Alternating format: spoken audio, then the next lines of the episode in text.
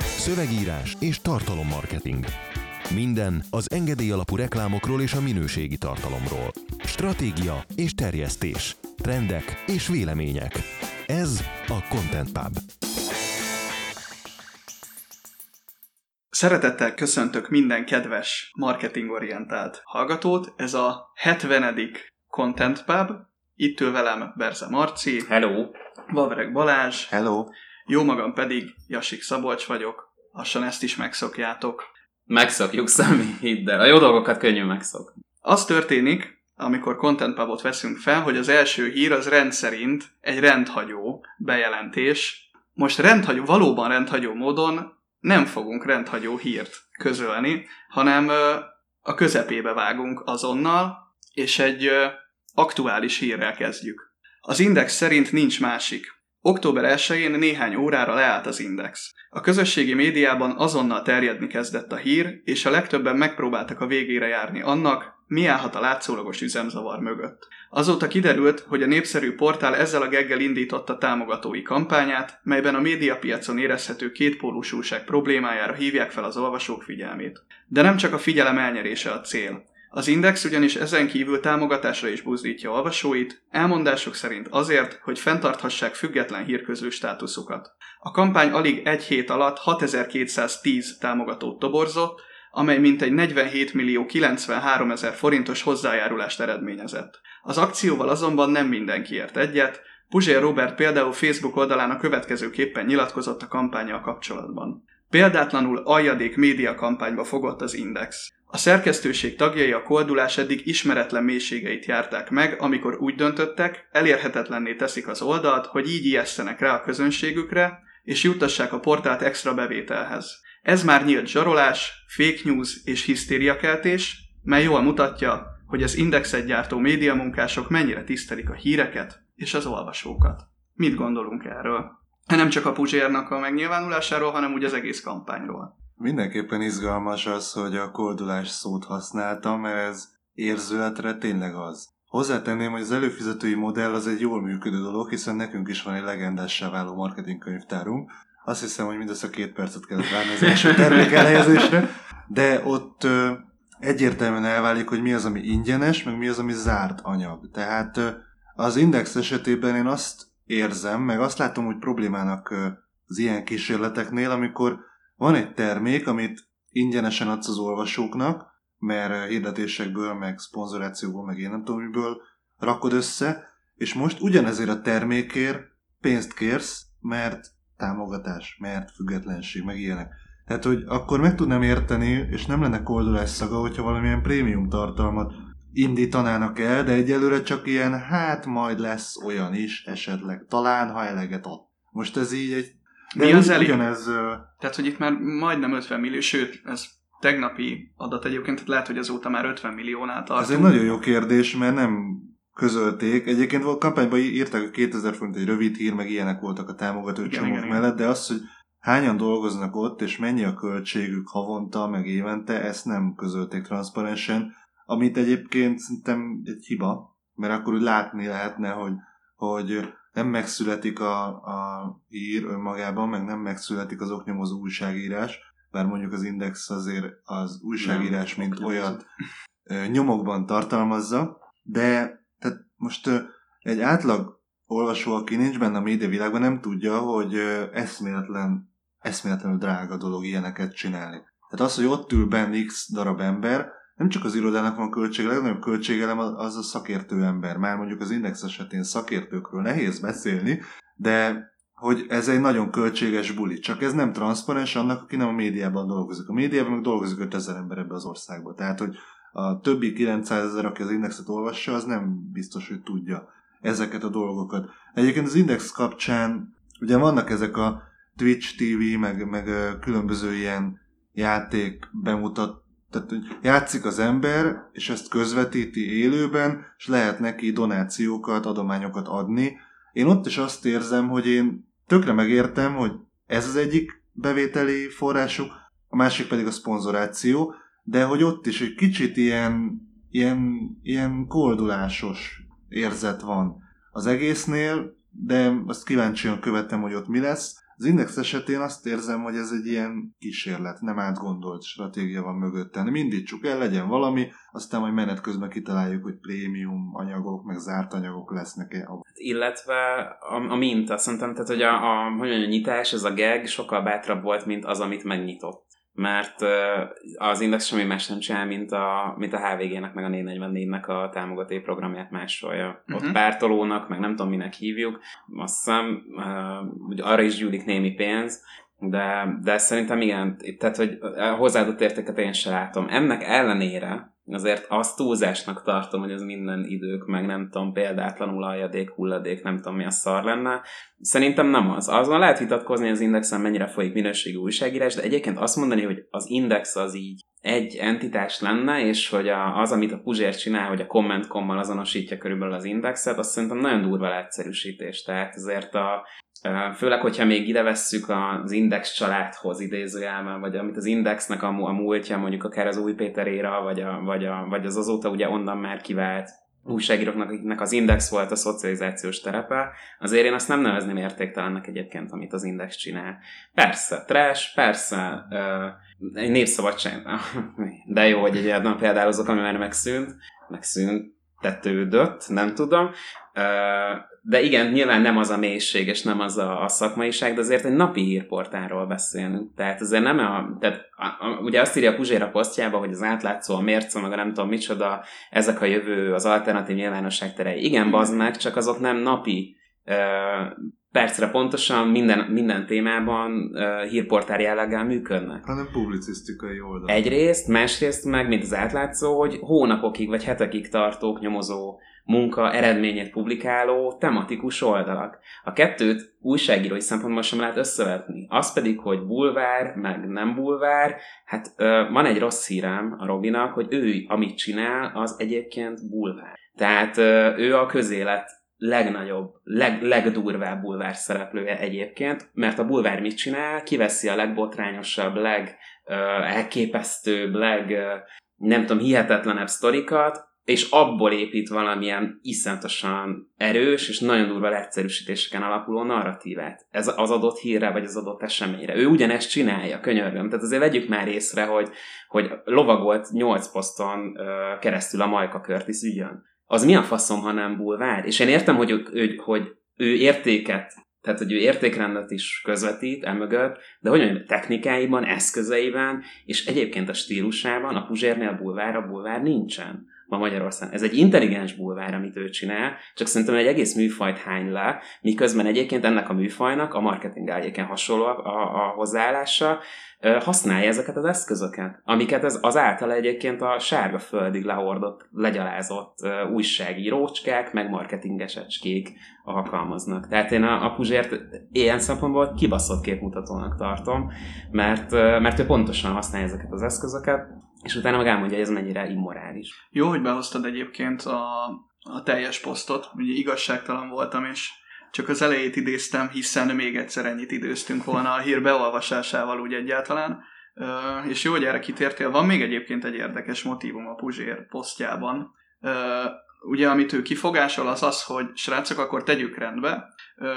Azt látjuk, hogy az Indexnél miért megy ez a kérjünk pénzt, ne kérjünk pénzt történet tegyük akkor tisztába azt, hogy kitől kapjátok a pénzeteket, miért kapjátok, és azt kifogásolta még a Puzsér, hogy nem baj, hogyha adománygyűjtesz, csak akkor ne fogadd el máshonnan. Tehát akkor ne az legyen, hogy az indexen, hanem menj el.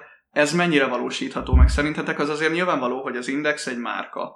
Most új, újra felépíteni bármit, az... Látszik, hogy nem egyszerű Lázs 444. Egyébként. Tehát soha, soha nem lesz olyan népszerű, mint az Index volt, miközben egyébként azok csinálják, akik az Indexnek a húzó nevei vagy arcai voltak. De máshol is van pozícionálva, tehát az inkább ilyen blogszerű Na igen, de nem itt van, napi, na, napi de, oldal. na de itt van a probléma, és szerintem etika, etikailag egyébként a Puzsér itt téved, hogy elfogadni pénzt jó célra egy embertől, aki egyébként gazdag, azt szerintem nem kifogásolható morálisan. Tehát És- itt, itt most ő, ő, utalgat egyébként olyan dolgokra, amikről egyébként szerintem nincsen tudomása, legfeljebb hallomása, hogy itt a NER lovagoknak a játékáról van szó, be fogják zsebelni a, Épp a, a, a, a zsetont, de hogy mondjam, ezt a Puzsér honnan tudja? Tehát én, én értem, amit ő mond, csak hogy ez nincsen alátámasztva. És a tulajdonosi hátteret is értem, de az meg nem most változott meg. Tehát, hogy mondjam, az egyszerre tekinteni, és ráróni azt a felelősséget az indexre, hogy elszívja, mint ellenzéki idézőjelben ellenzéki portál, elszívja a kicsik elől a levegőt, de közben meg vádolni őket azzal, hogy egyébként meg nár lovagok is. Tehát, hogy a kettő nekem nem fér össze. Vagy akkor mondja ki, hogy az Index a Fidesz szállás csinálója. És aztán meg gondol, járjon sajtóperekre, mert egyébként ez nyilvánvalóan nem igaz. És bocsánat, csak egy gondolatot elhagytam még a saját beszéd, az még az előző blogban, hogy ő a kommentkommal azonosítja az indexet, a bulvár szekcióval. De azért, azért az index nem csak kommentkom. Tehát azért, a, a, a, nem, most nem akarom felsorolni az összes rovatát, de azért van érték az indexben, akkor is, hogyha egyébként valóban hogy mondjam, az, az újságírás át, általános szín, színvonal azért zuhant az elmúlt időszakban, de... Nyomokban újságírást is tartalmaz, igen. igen. Meg azért full értéktelennek nem mondanám se az indexon. Én azért most úgy tűnhet, hogy végtelenül centrista leszek, de... Mindig az vagy baj. Még a... Na jó. Még, még a... Ugye van az akezdet fiainak.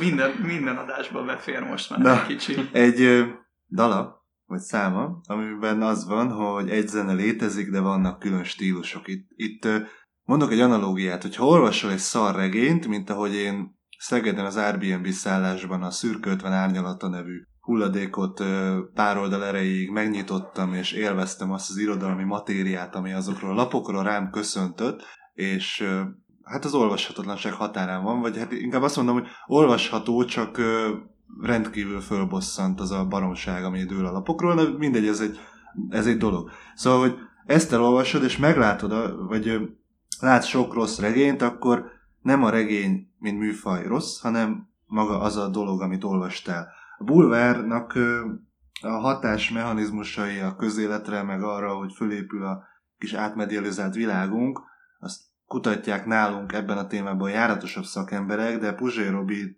megvédeném abból a szempontból, hogy lehet, hogy ő bulvár eszközeit használóan, ilyen közéleti bulvártól, csak ugye más tartalommal tölti meg. Tehát az, az is bulvár, amikor senkik ott futtatják magukat, akik tényleg annyit tudnak, hogy a tévén időről időre visszaverik a fényt, és értéktelen hulladék az a tartalom, ami belemegy, meg lehet azt csinálni, amit a Robi csinál, ami meg szerintem ez értelmiségi működés, és tök hasznos. Tehát, hogy a tartalom nem mindegy, ami belekerül. Másik meg az indexsel kapcsolatban, hogy igen, tehát most elszívja a levegőt, de én nagyon nagy kíváncsisággal figyelem azt, hogy mi történik például a magyar hanggal, mi történik az indexel, a 444-jel, a HVG-vel, meg az összes olyan kísérlettel, ami azt próbálja megvalósítani, hogy piaci, tisztán piaci alapon működjenek újságok. És egyébként nem baj, hogy összegyűlt nekik ennyi pénz. Tehát nem a pénzt sajnáljuk tőlük, sőt, egyébként én gratulálok nekik, hogy ez így összegyűlt. Azt kifogásoljuk, hogy nem, lát, nem látjuk átgondoltnak ezt, hogy most így mi az ellenérték. Tehát, hogy ö, eddig nem kértünk adományokat, és volt index, most kérünk, és van index, és ugyanaz. Vagy hogy így mi a plusz, meg mi a hoz, meg miért, meg hogy. Tehát, hogy így nem, nem tiszta az egész. De hogyha ez kiforja magát, és létrejön több ilyen alkotói műhely, meg újságírást nyomokban, vagy még tovább tartalmazó dolog, akkor ez egy tök jó dolog lesz. Tehát, hogy megvalósul az, amikor nem vagy az állam csecsén csüngő, ilyen kiszolgáltatott médium. És ezt egyébként mondják hangok a média világból, hogy hát ennyit tud eltartani a magyar piac, én meg úgy gondolom, hogy szerintem nézzük meg. Mert az, hogy konferencián, dögunalmas kerekasztal beszélgetésen a Pierre Cardin magukra öltő, de a világról egyébként nem sokat tudó emberek megbeszélik egymással, hogy hát a magyar médiapiac az elmúlt 20 évben ezt tudta kihozni magából, az nem kötelező érvényűen írja le a további kísérletek bukását. Most pont ö, láttam egy, tehát az a karórák meg ezek, az egy ilyen 45 milliárd dolláros piac. A prémium karóráknak a készítése, meg minden ilyesmije, és úgy vannak vele, hogy az közgazdaságtani értelemben megkérdez egy egyetemi oktató, azt mondja, hogy ez egy telített, felosztott piac, ahova nagyon-nagyon nehéz betörni, mindenféle trükkök százait, penetrációs árazás, meg nem tudom miket kell használnod ahhoz, hogy bármit ott tudjál csinálni. Erre jön egy kurva jó sztorival működő márka, és már most 10 millió dollárt így elutaltak neki, hogy csinálj nekem órákat. Azon a piacon, ami full föl van osztva. Tehát, hogy teljesen ellent mond annak, amit marketing tanárok mondanának erről. Tehát, hogy ezek az, hogy mit mondanak emberek konferenciabeszélgetéseken, hogy jaj, hogy telített a médiapiac, vagy a karúra piac, vagy hogyan Vagy a van már, konferenciapiac. vagy a konferenciapiacot is hozhatnánk, ez ne gátoljon meg senkit abban, hogy megpróbáljon új modelleket bevezetni. Az előfizetői modell ez egy új modell. Hát annál is inkább, ha minőséggel, meg érdemi mondani valóval társul. Nekem egyébként, ha már a Puzsérnek valamiben igazat kell adnom, akkor az nem az, ahogy az indexet gyalázza, hanem a, mert az ahogy azért most tényleg nem tudok valamilyen azonosulni, nem tudom, pedig én tényleg a Robi. De szerintem ez nem talán most. Amit viszont mond, abban kurva sok igazság van, és most nem a pénzügyi összefonódásra, hanem erre a függetlenség mítoszra gondolok, Uh, mert az, amit az Index írt, Mandinerem, vagy hol is, nem is tudom, vala, valamit, valamit készültünk, és ugye néztük a, néztük a híreket, hogy, mi, hogy mivel indokolja igen, a, a, az Index ezt, a, ezt az akciót, hogy a függetlenségenek, meg az eszméktől, emberektől, pártoktól való függetlenséget, tehát akkor könyörgöm, tehát az olyan, már bocs, srácok, de nincs. Tehát szomorú, ha megpróbáljátok, mert az, tehát nem ebben kéne gondolatiságot belefektetni, hogy mitől vagytok függetlenek, de nem, a szakmai, a szakmai etikától nem kéne egyedül függetlennek lenni, a minden más az... A, meg a helyesírási szabályok. Meg a helyesírási szabályoktól, illetve a, a saját értékeitektől sem kéne elfüggetlenedni.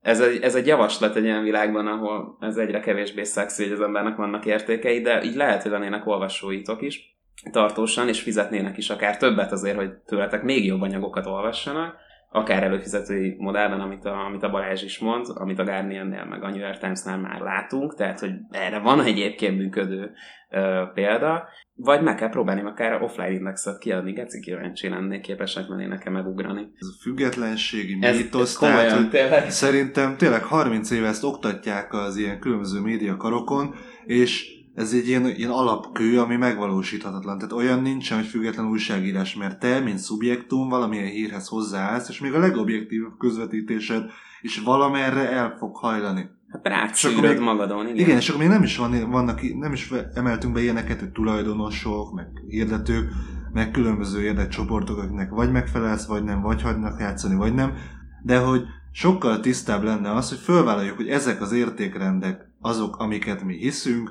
és az indexet is, vagy a bármilyen médiaterméket ebben a szellemben készítjük.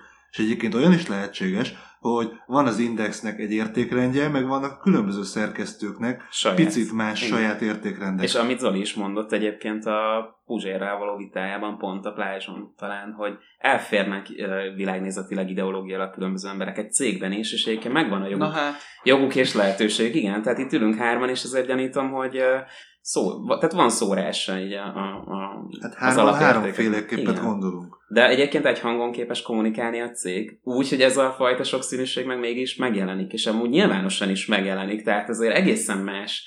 Tehát akár az előadásainkra gondolok a plázson, ugye összesen hatot nyomtunk le hárman, hát különböztünk, és bizonyos szakmai kérdésekben még azt sem mondom, hogy százszerzékig ugyanazt Ez gondoljuk. De a KKKK. Tehát ezt most kicsit lefordítva a magyar KKV-kra, mert mégiscsak azért alapvetően ők A hallgatnak. minket. KK-ról a KKV-kig. Igen. Szép.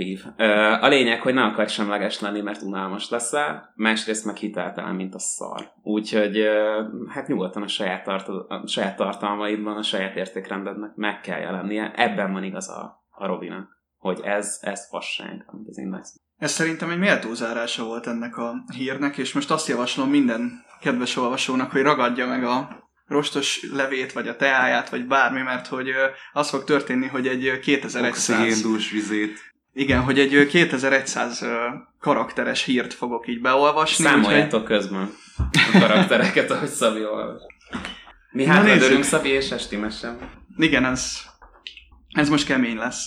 Elon Musk nem tud leállni, és ennek a részvényei isszák a levét. Elon Musk mindig is megosztó személyiség volt, és úgy fest, ezen a jövőben sem kísérel megváltoztatni. Az elmúlt hetekben azonban mintha magasabb fokozatra kapcsolt volna, és ennek az eredményeit már a Tesla részvényei is megérezték. Musk veszőfutása egy júliusi botrányjal kezdődött, amely során egy tájföldön élő brit búvárt pedofilnak nevezett, amiért a Spear akciónak minősítette Musk mini tenger alatt járó kísérletét arra, hogy kimentsék a táj barlangban reket focista gyerekeket.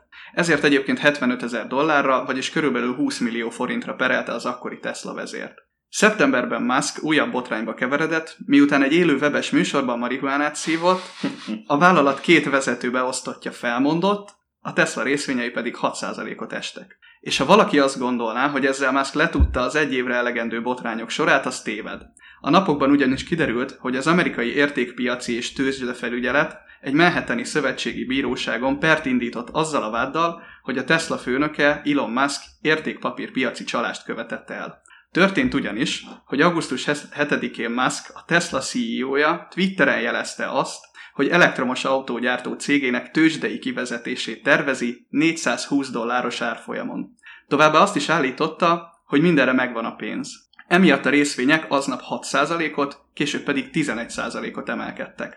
Mivel ezt követően Musk semmit sem tett, a tőzsdefelügyelet és az amerikai igazságügyi minisztérium is vizsgálatot indított, mondván Musk szándékosan mozgatta meg a Tesla árfolyamát. A tőzsdefelügyelet szerint Musk azt mondta nekik, hogy a 420 dolláros árral csak viccelni akart, mivel ez a szám spangli szívásra utal a füves szubkultúrában. Musk azt mondta, hogy nemrég tudta meg, hogy a 420 kultikus számnak számít, és azt gondolta, hogy ezt a barátnője biztosan viccesnek tartaná, bár ez valóban nem egy erős érv egy részvényár meghatározásához. Musk azóta távozott a Tesla elnökségi tanácsának éléről, aminek hatására 17%-ot növekedtek a részvényárak. Ezzel a végével hagy kezdjem, utána átadom Balázs, csak hogy tehát tulajdonképpen nyer 17%-ot azon, hogy kamuzik, majd miután a kamuja miatt kirugatják, mert ugye ez a deal része volt, Igen, igen, igen. a váltatóság ugye azt javasolt, hogy ezt így tegye így le, különben megy a dutyiban, meg még nagyobb lesz a büntike, ő ezt megteszi, majd még 17%-ot nyer. Tehát, már bocsánat, de ez a csávó valamit geci jól tud. Tehát, ha más nem, a botránycsináláshoz kurvára ért meg, a részvény árfolyam manipulálás. Már beszél. I'm speechless. Tehát, hogy ez, ez így... Több síkon ez így mi? Na jó. Hát jó. De szabdaljuk Igen. szét, szabdaljuk szét. Az egyik az, hogy az, a- az egy eti, ez talán a legtávolabbi, ilyen, leg, nem is tudom, el, elemelkedettebb része ennek a dolognak, hogy mi az, amit így kitvittelhet egy felelősséggel bíró ember, aki hát egy vállalatbirodalmat irányít, mert ugye a Tesla az Tesla, de ugye ezen kívül beszélünk napelemes cégről, űrsiklókról, meg meg a mágnes vasutakról, csak ilyen apró projektekről. Meg egy pár tízezer ember megélhetéséről egyébként, egy olyan üzlet által, ami még soha nem tudott nyereséges lenni. Tehát ezért önmagában úgy jelent, rejt némi felelősséget a megszólalónál. Kérdezem én, hogy mit csinál, mondjuk ismerős lehet egy kicsit a szitu, nem? Tehát, hogy van egy, van egy cégvezető, akinek, Nem tudom, hogy mondjam, a személyes kommunikációja bizonyos értelemben nehezen kontrollálható, tehát ugye a víznek nem lehet megparancsolni, merre folyjon, csak ugye ilyen nagy árkokat lehet ásni, ugye nem tudom, hát a Musknak nem tudom mit kéne ásni, hogy őt kornában lehessen tartani, de valószínűleg én tényleg nem tudom. Tehát ez ne, minden esetre én szolidaritást érzek valamiért most a Tesla munkatársaival.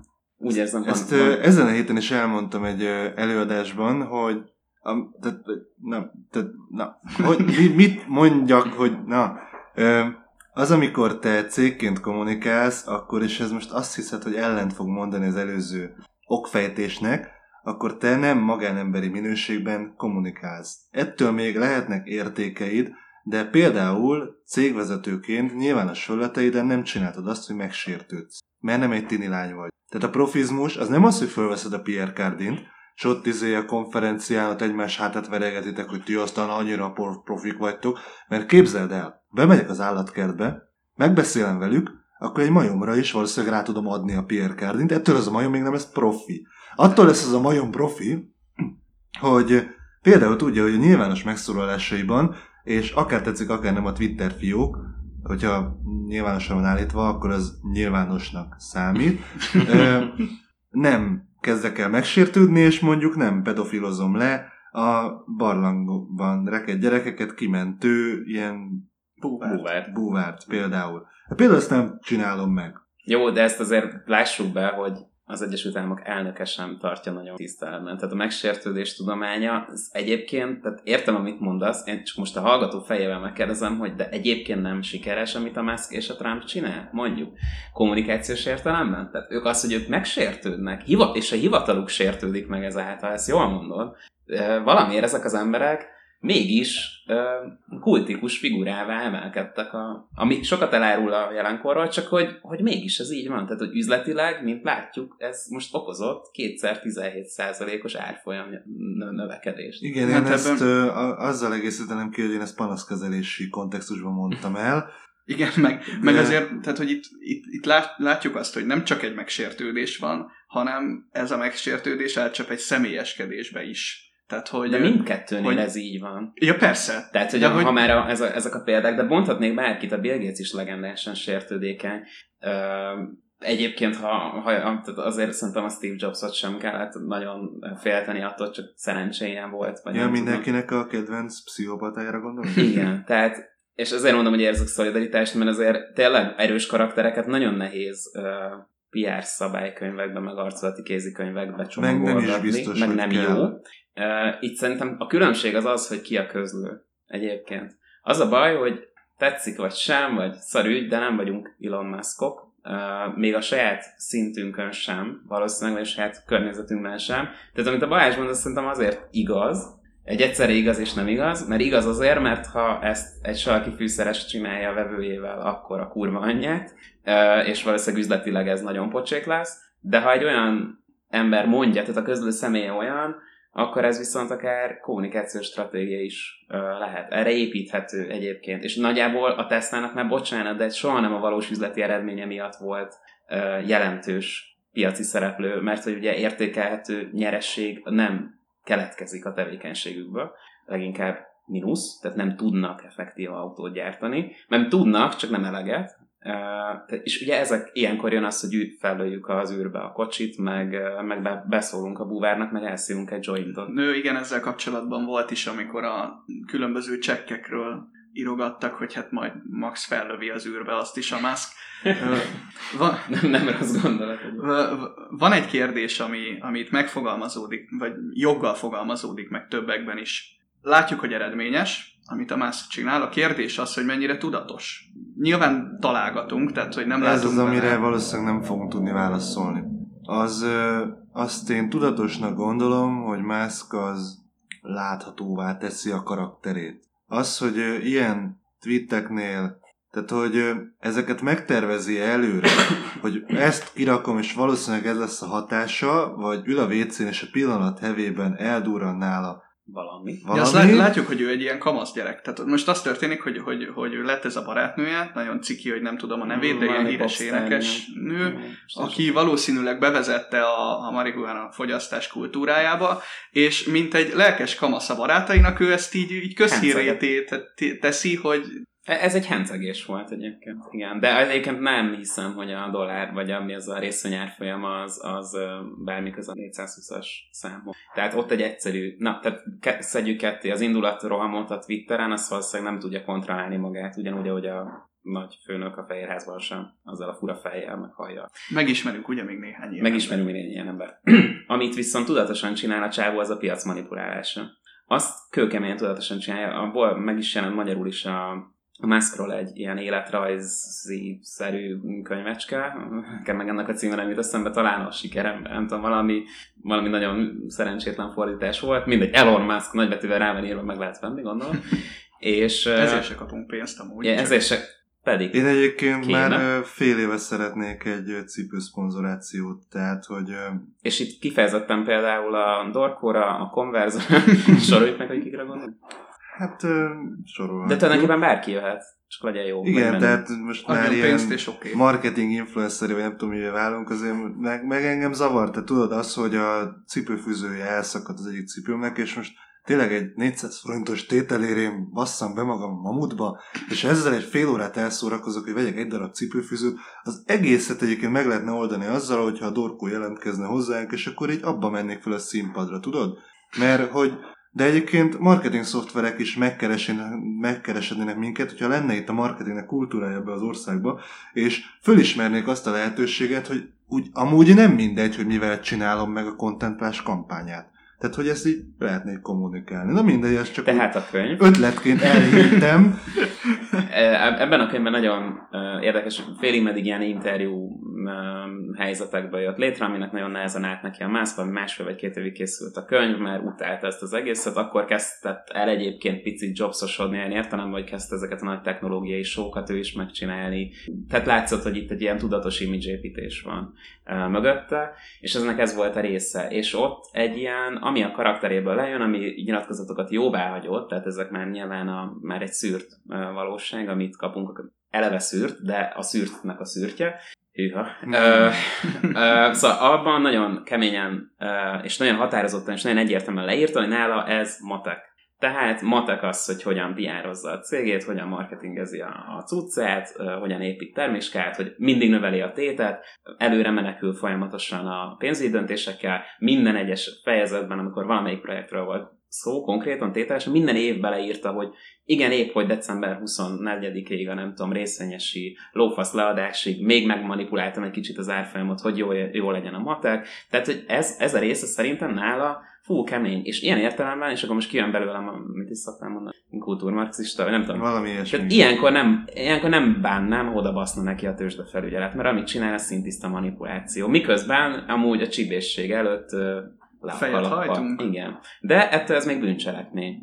És emiatt civilizált nemzetek börtönbe zárnák a hasonlót, de nyilván ezt nem lehet megtenni. Viszont egy kommunikációs börtön, amit az igazgató tanácsa javasol. Tehát az, hogy, vagy a befektetői, ami a konkrétan a hírben nem olvastad fel, de ugye rebesgetik, hogy a kiszámíthatatlansága miatt a Wall Street-en aggódnak, aznak egyébként emiatt én viszont nagyon örülök, ha Wall Street-en aggódnak, aznak, az valami jónak a kezdete, de mindegy. A lényeg, hogy, hogy meg mögé kell tenni egy operatív embert, aki majd erős kézzel fogja a... Na igen, ott halt meg ez a cég. Tehát, hogy miután a Tesla meg egyébként, ha jól tudom, a SpaceX sem túlságosan nyerességes, beteszel oda egy operatív embert, és kiveszed az egyetlen jól működő részét a cégnek, a PR-ját pillanatnyilag, na ott meghalt a buli. PR-jét. PR-jét. Meg UGC-t egyébként, ezt minden fórumon elmondom, hogy képesek voltak elfogadni, hogy a PR-t PR-nek egy. És következetesen így is olvastam be, nem tudom, hogy Tudom, ez nagyon... El. Egyébként, ha már a PR-osok PR-esekbe beleálltunk, akkor hadd folytassam azzal, hogy én nézem ugye a Forma 1 ja, Kimentem cégizni srácokba. Már előre. Na, ott kifejezetten nagy probléma rajongói szemszögből az, hogy ezek az emberek, a versenyzőkre gondolok, meg a csapatfőnök, meg mindenkire szanaszét van trénelve PRS modulokból, meg mindenből, és nagyon ritka az, hogy egy értelmes, érdekes, izgalmas interjút tudsz vele csinálni, így bármikor, tehát versenyőt után bármikor. Mert jönnek ezek a nagyon sablonizált, nagyon biztonságos választok, amit én megértek, mert a világ egyik legnagyobb sportjáról beszélünk, és tényleg dollár százmilliók mozognak egy-egy verseny hétvége alatt is. Én ezt megértem. Viszont azok a karakterek, akik ezt nem annyira tartják be, meg izgalmasan kommunikálnak, azokra emlékszik mindenki, és azok vannak Például a Raikönenre? Például a Raikönenre. Most jött ki egy, a Raikönennek egy ilyen ha, haikus könyve. Beszarsz, hallod? Este azért azt szakadtam. Hihetetlen. Tehát amikor megkérdezik a Raikönen, hogy mit gondol a sisakról, és ő azt mondja, hogy néha letörlöm, hogy lássak, egyébként meg védi a fejemet. De ez meg, is az ösztönös zsenik. Haiku a telefonról, hogy mindig le van némítva, mert nem szeretem, hogy csörög, és emberek hívnak rajta. Ebben De, hasonlít. Igen, én is lehetnék egy Raikkonen, csak nem tudok jól vezetni. De már szóval, szőke vagy. I- igen. És finn ugor.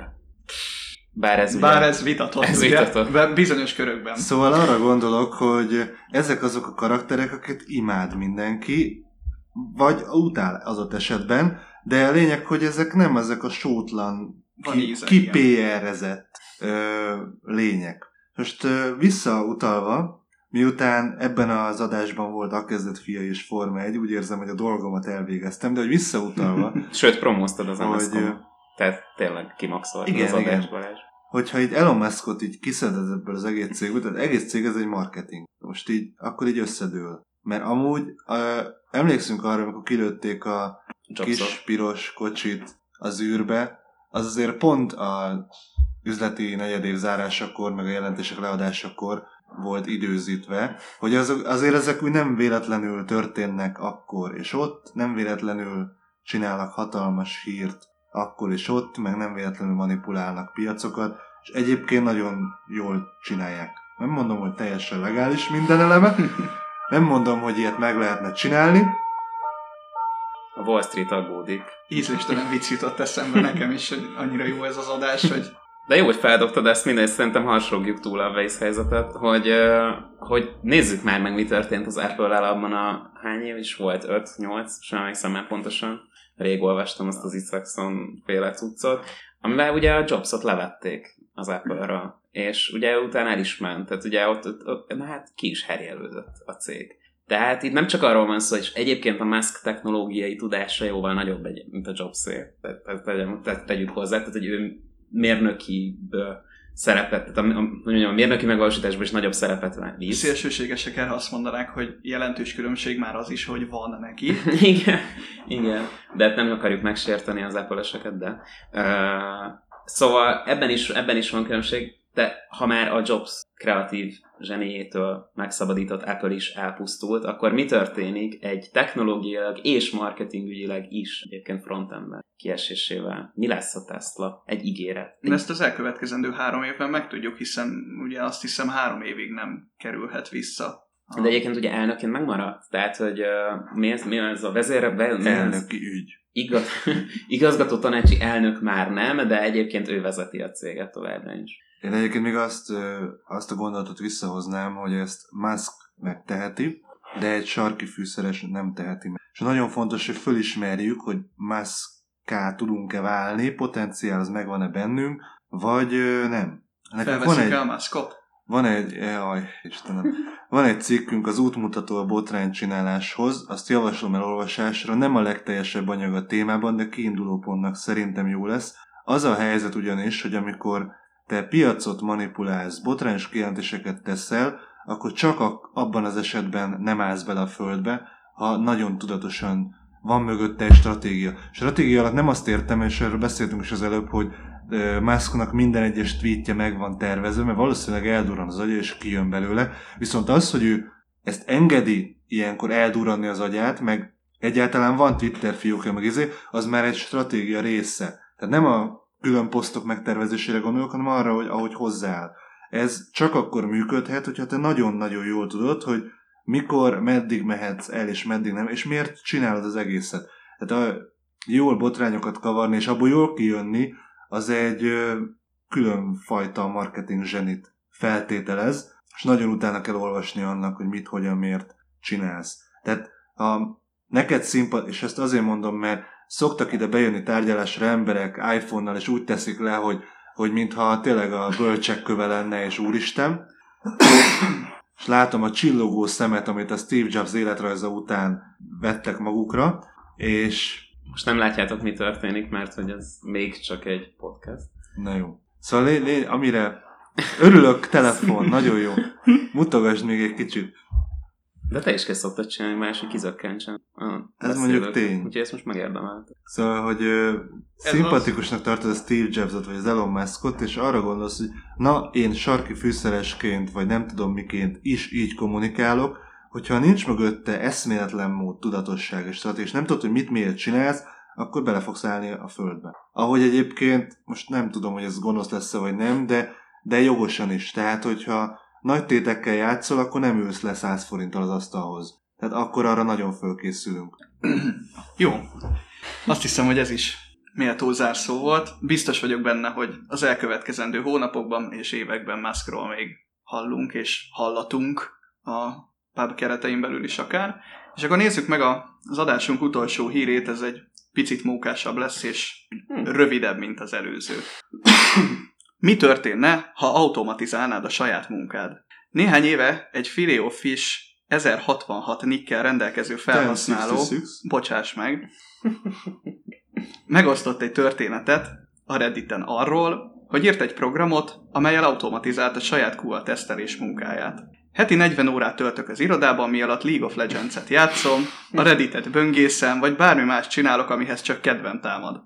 Az elmúlt 6 évben körülbelül 50 órát töltöttem valódi munkával, írja a felhasználó, akit végül tetten értek, és azonnali hatállyal kirúgtak. A McKinsey Global Institute becslése szerint 2030-ig akár 800 millió munkahelyet, beleértve az amerikai munkahelyek 30%-át automatizálják majd. Sok helyütt már napjainkban robotok készítik a pizzát vagy a kávét, és minden cég az automatizálás felé kacsingat. A kérdés tehát adott, az időnkért vagy a munkánkért kapjuk és várjuk a fizetéseinket. A 20. századi cég idő alapú felosztásban csinál dolgokat, tehát az kell, hogy bemenjen az ember hajnali 9-re, és ott maradjon délután 4-5-ig, és őt azért fizet. Ez van az elgondolás a menedzsment fejében. Ezt látjuk. Míg igen. a modern 21. századi cég, aki fölismerte, hogy a, az okos telefonok nem telefonálásra valók, hanem azok egy mini számítógépek, már kapacitásban is, és hogy bárhonnan lehet már dolgozni, ők átálltak a projekt alapú elszámolásra,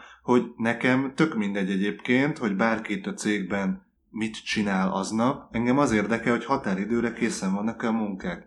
Azt, hogy ezt két óra alatt csinálja meg, vagy 12 óra alatt, az nekem majd, majdnem azt mondom, hogy majd, majd nem mindegy, de nyilván örülnék annak, hogyha két óra alatt csinálná meg, és akkor utána úgy építjük fel a napot, meg hatékonyabban, meg folyamatok. De lényeg az, hogy nem arra, tehát nekem nem kell az, hogy itt üljön be 9-től 5-ig bárki. Itt viszont, Mert nem az az mondtál, érték. abban, amit te mondtál, ugye van egy alapvető különbség itt a helyzet, a felvázott helyzetben. Te most úgy beszéltél erről, hogy te tudod, hogy én két óra alatt megcsinálom, mert abban azt hiszem mindhárman egy, egyetértünk, hogy az elvégzett munkának van értéke, nem az eltöltött időnek.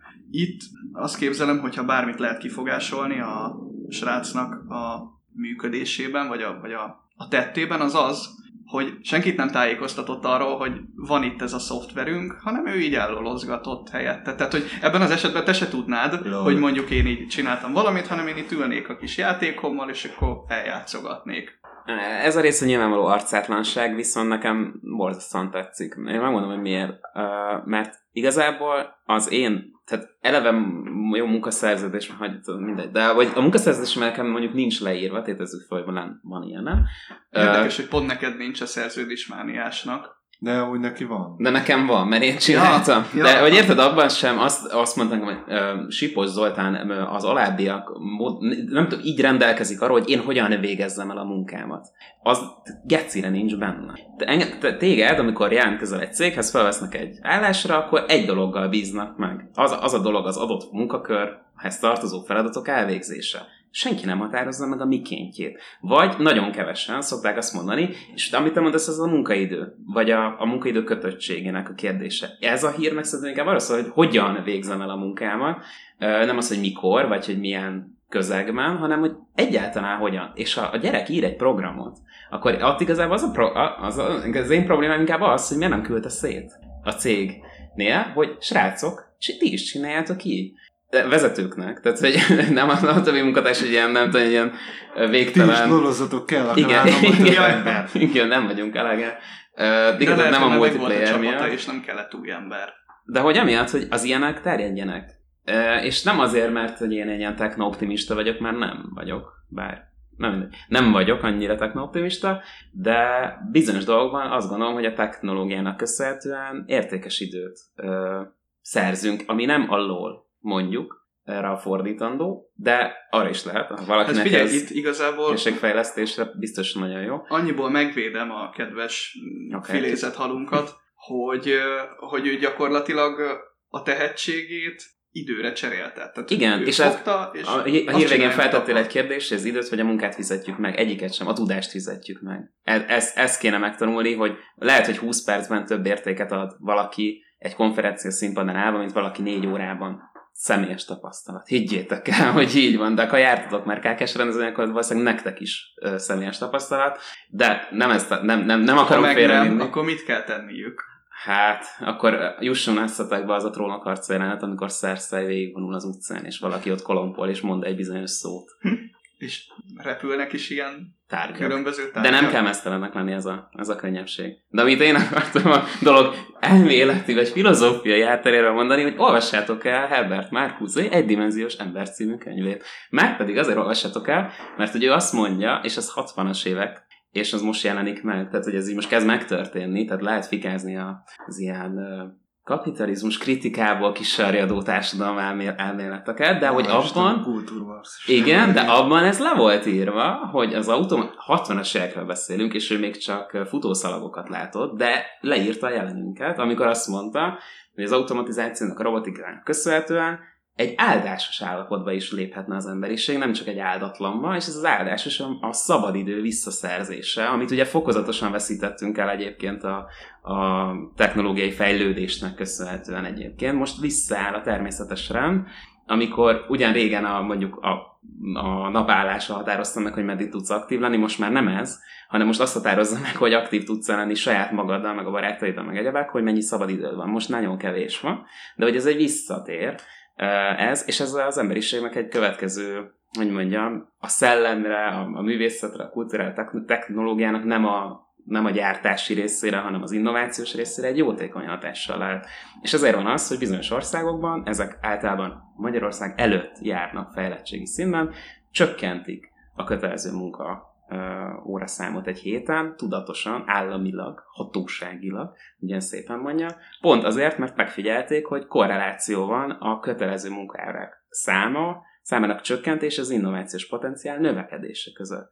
Egyszerűen egy pihentebb álma, ami képes mondjuk kultúrát is fogyasztani, és nem csak szakkönyveket, vagy a saját munkájához kapcsolódó témákról olvas, hanem mondjuk így tényleg elmegy néha a színházba, vagy van ideje a barátaival sörözni, az jót tesz a termelékenységnek. És most ezt, én ezt a pillanatot érzem, és emiatt optimista. És csak hogy letörjem egy picit az optimizmusodat, most nem is arra kitérve, hogy, hogy ez így a szövegíró közegben mikor fog bekövetkezni, mert azért azt így látjuk. A KK-ban soha.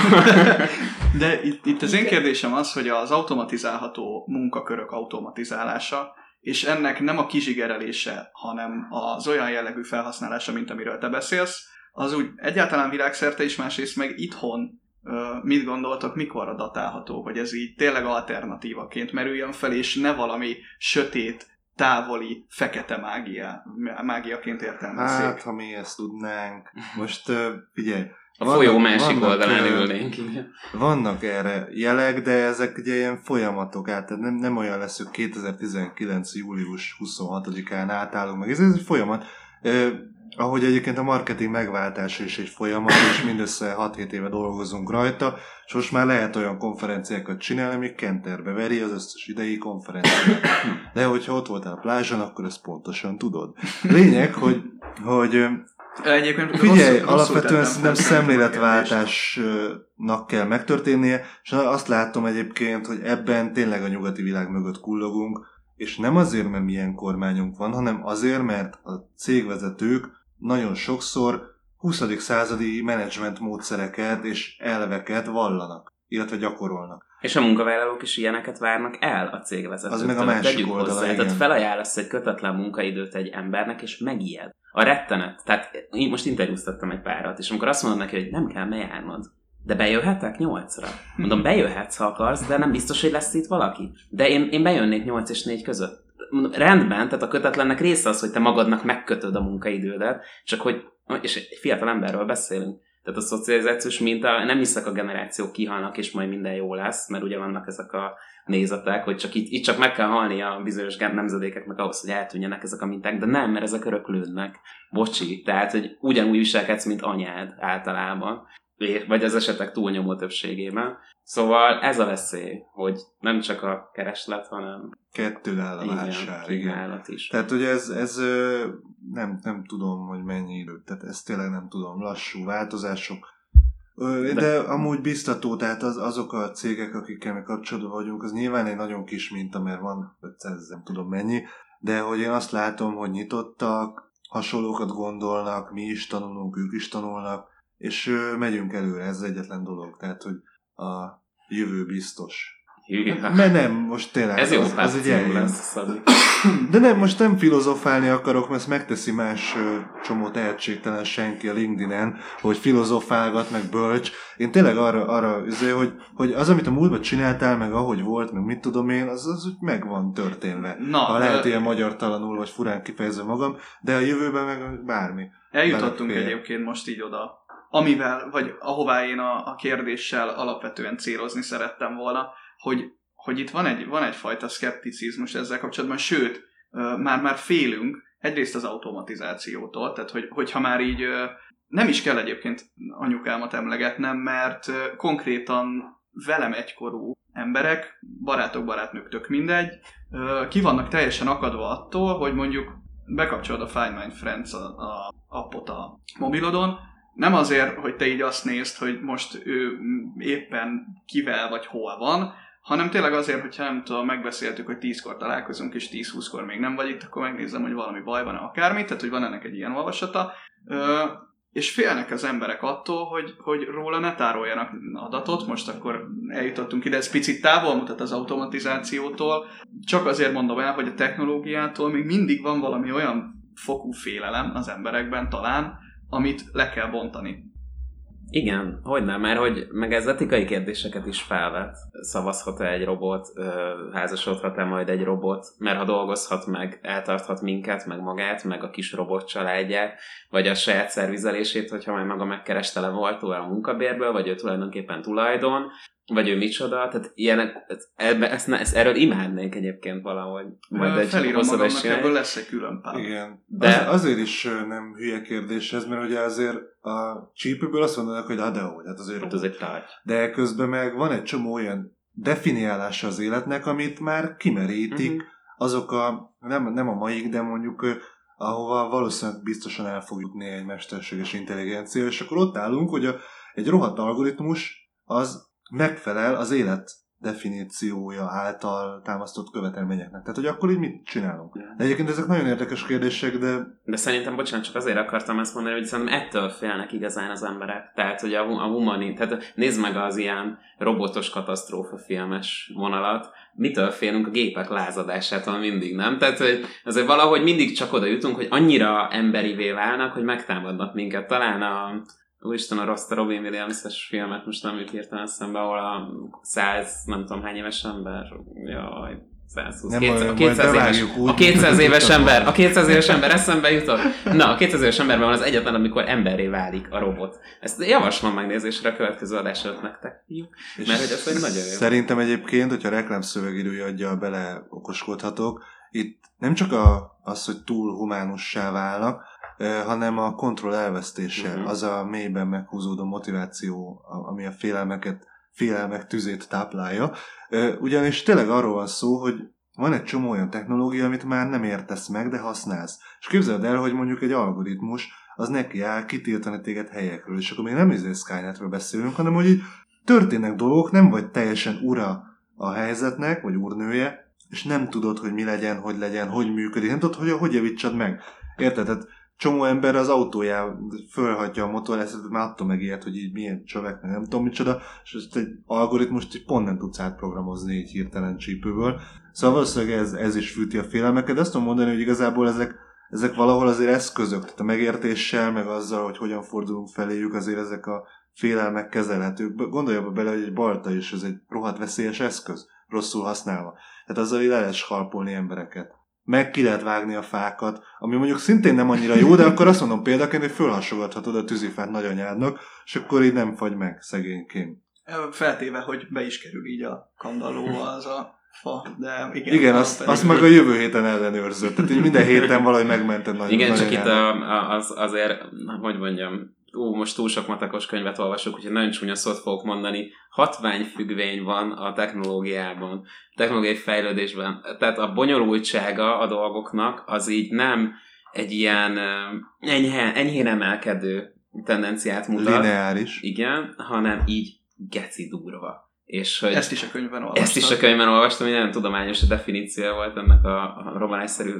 Exponenciálisan nő egyrészt a tudásom, de az még hagyján, de hogy hatványfüggvény eloszlást mutat azt, hogy hány ember képes birtokolni azt a tudást, ami a megváltozott differenciált, ami a szaroknak így, így a középpontjában áll. Nagyon kevés. Ez igazi, tehát szerintem azért erősödtek fel ezek a hangok, és az adatbiztonsági is ezért nagyon kemény téma, mert hogy itt beszélünk azért információs csomópontokról és tudás csomópontokról, akik ezt birtokolják, mind a tudást, mind az információt. És ott van a probléma, hogy amikor van 50 ember a világon, aki megérti, hogy mondjuk hogy működik a, az az algoritmus, ami mondjuk majd egy gyárat teljesen önműködővé tesz, na mi történik akkor, hogyha mi, mi mint végfelhasználók, állampolgárok, attól függ, milyen oldalról nézem, ebben már semmit nem értünk, és azt az 50 embert cserélik le robotra. De akkor mi az Isten történik, akkor kiirányítja tulajdonképpen ezt a bulit, és akkor én beszéltek az optimizmusommal a szabadidőről, és lehet, hogy akkor majd megtanulok programozni a szabadidőmben, ahol már minden automatizálódott, csak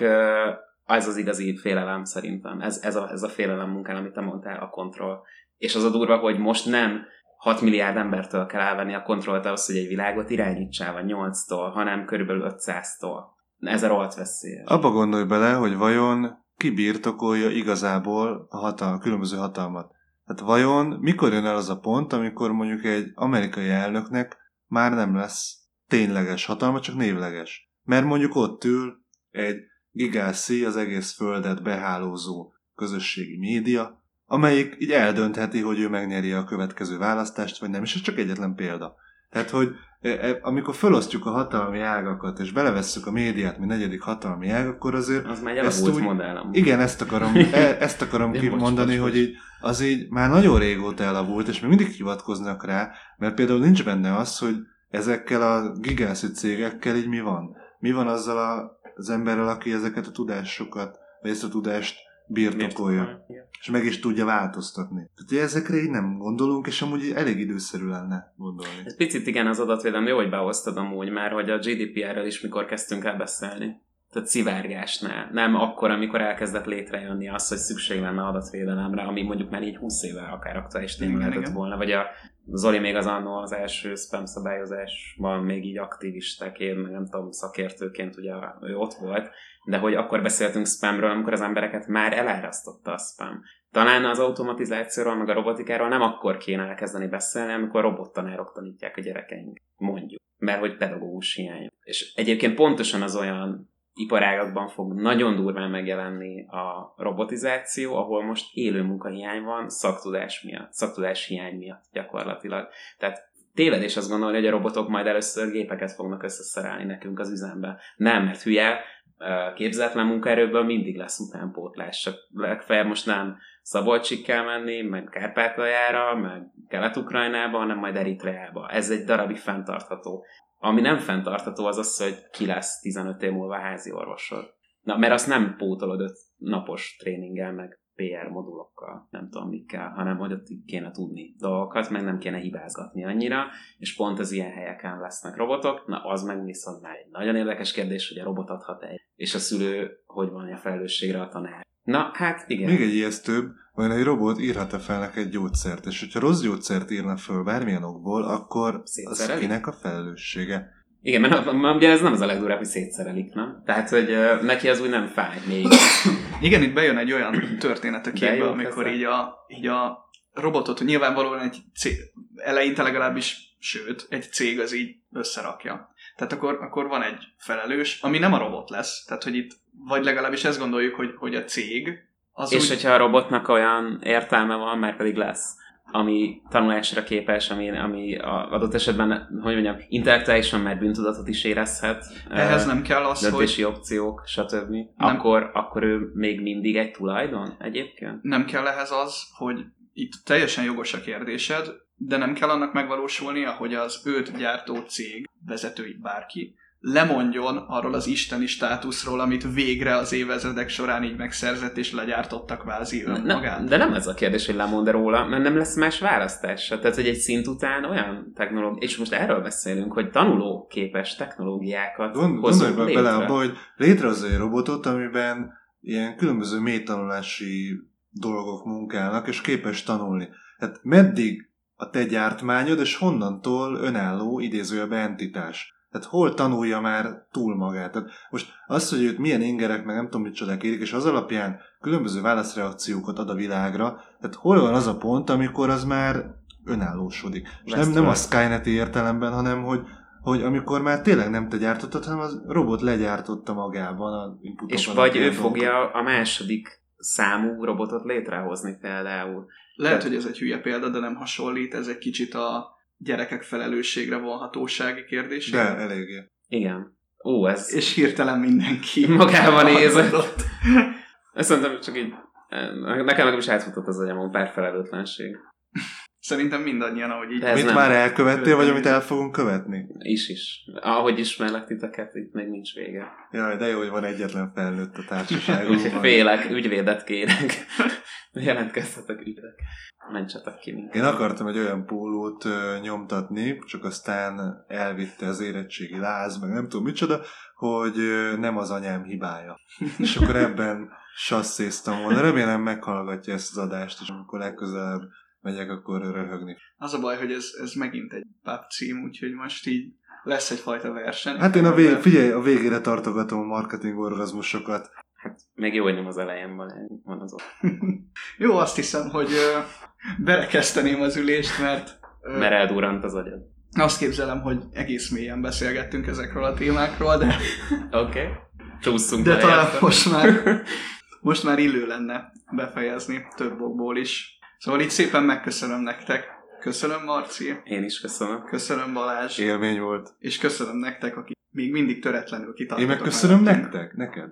Ó, Igen, Igen. Igen. Szabi. köszönöm. Nagyon jó adás volt. biztosan a hallgatók is köszönik, hogy így félbeszakítottatok abban, hogy megköszönjem nekik, hogy hallgatnak, de Kell a dráma, tudod?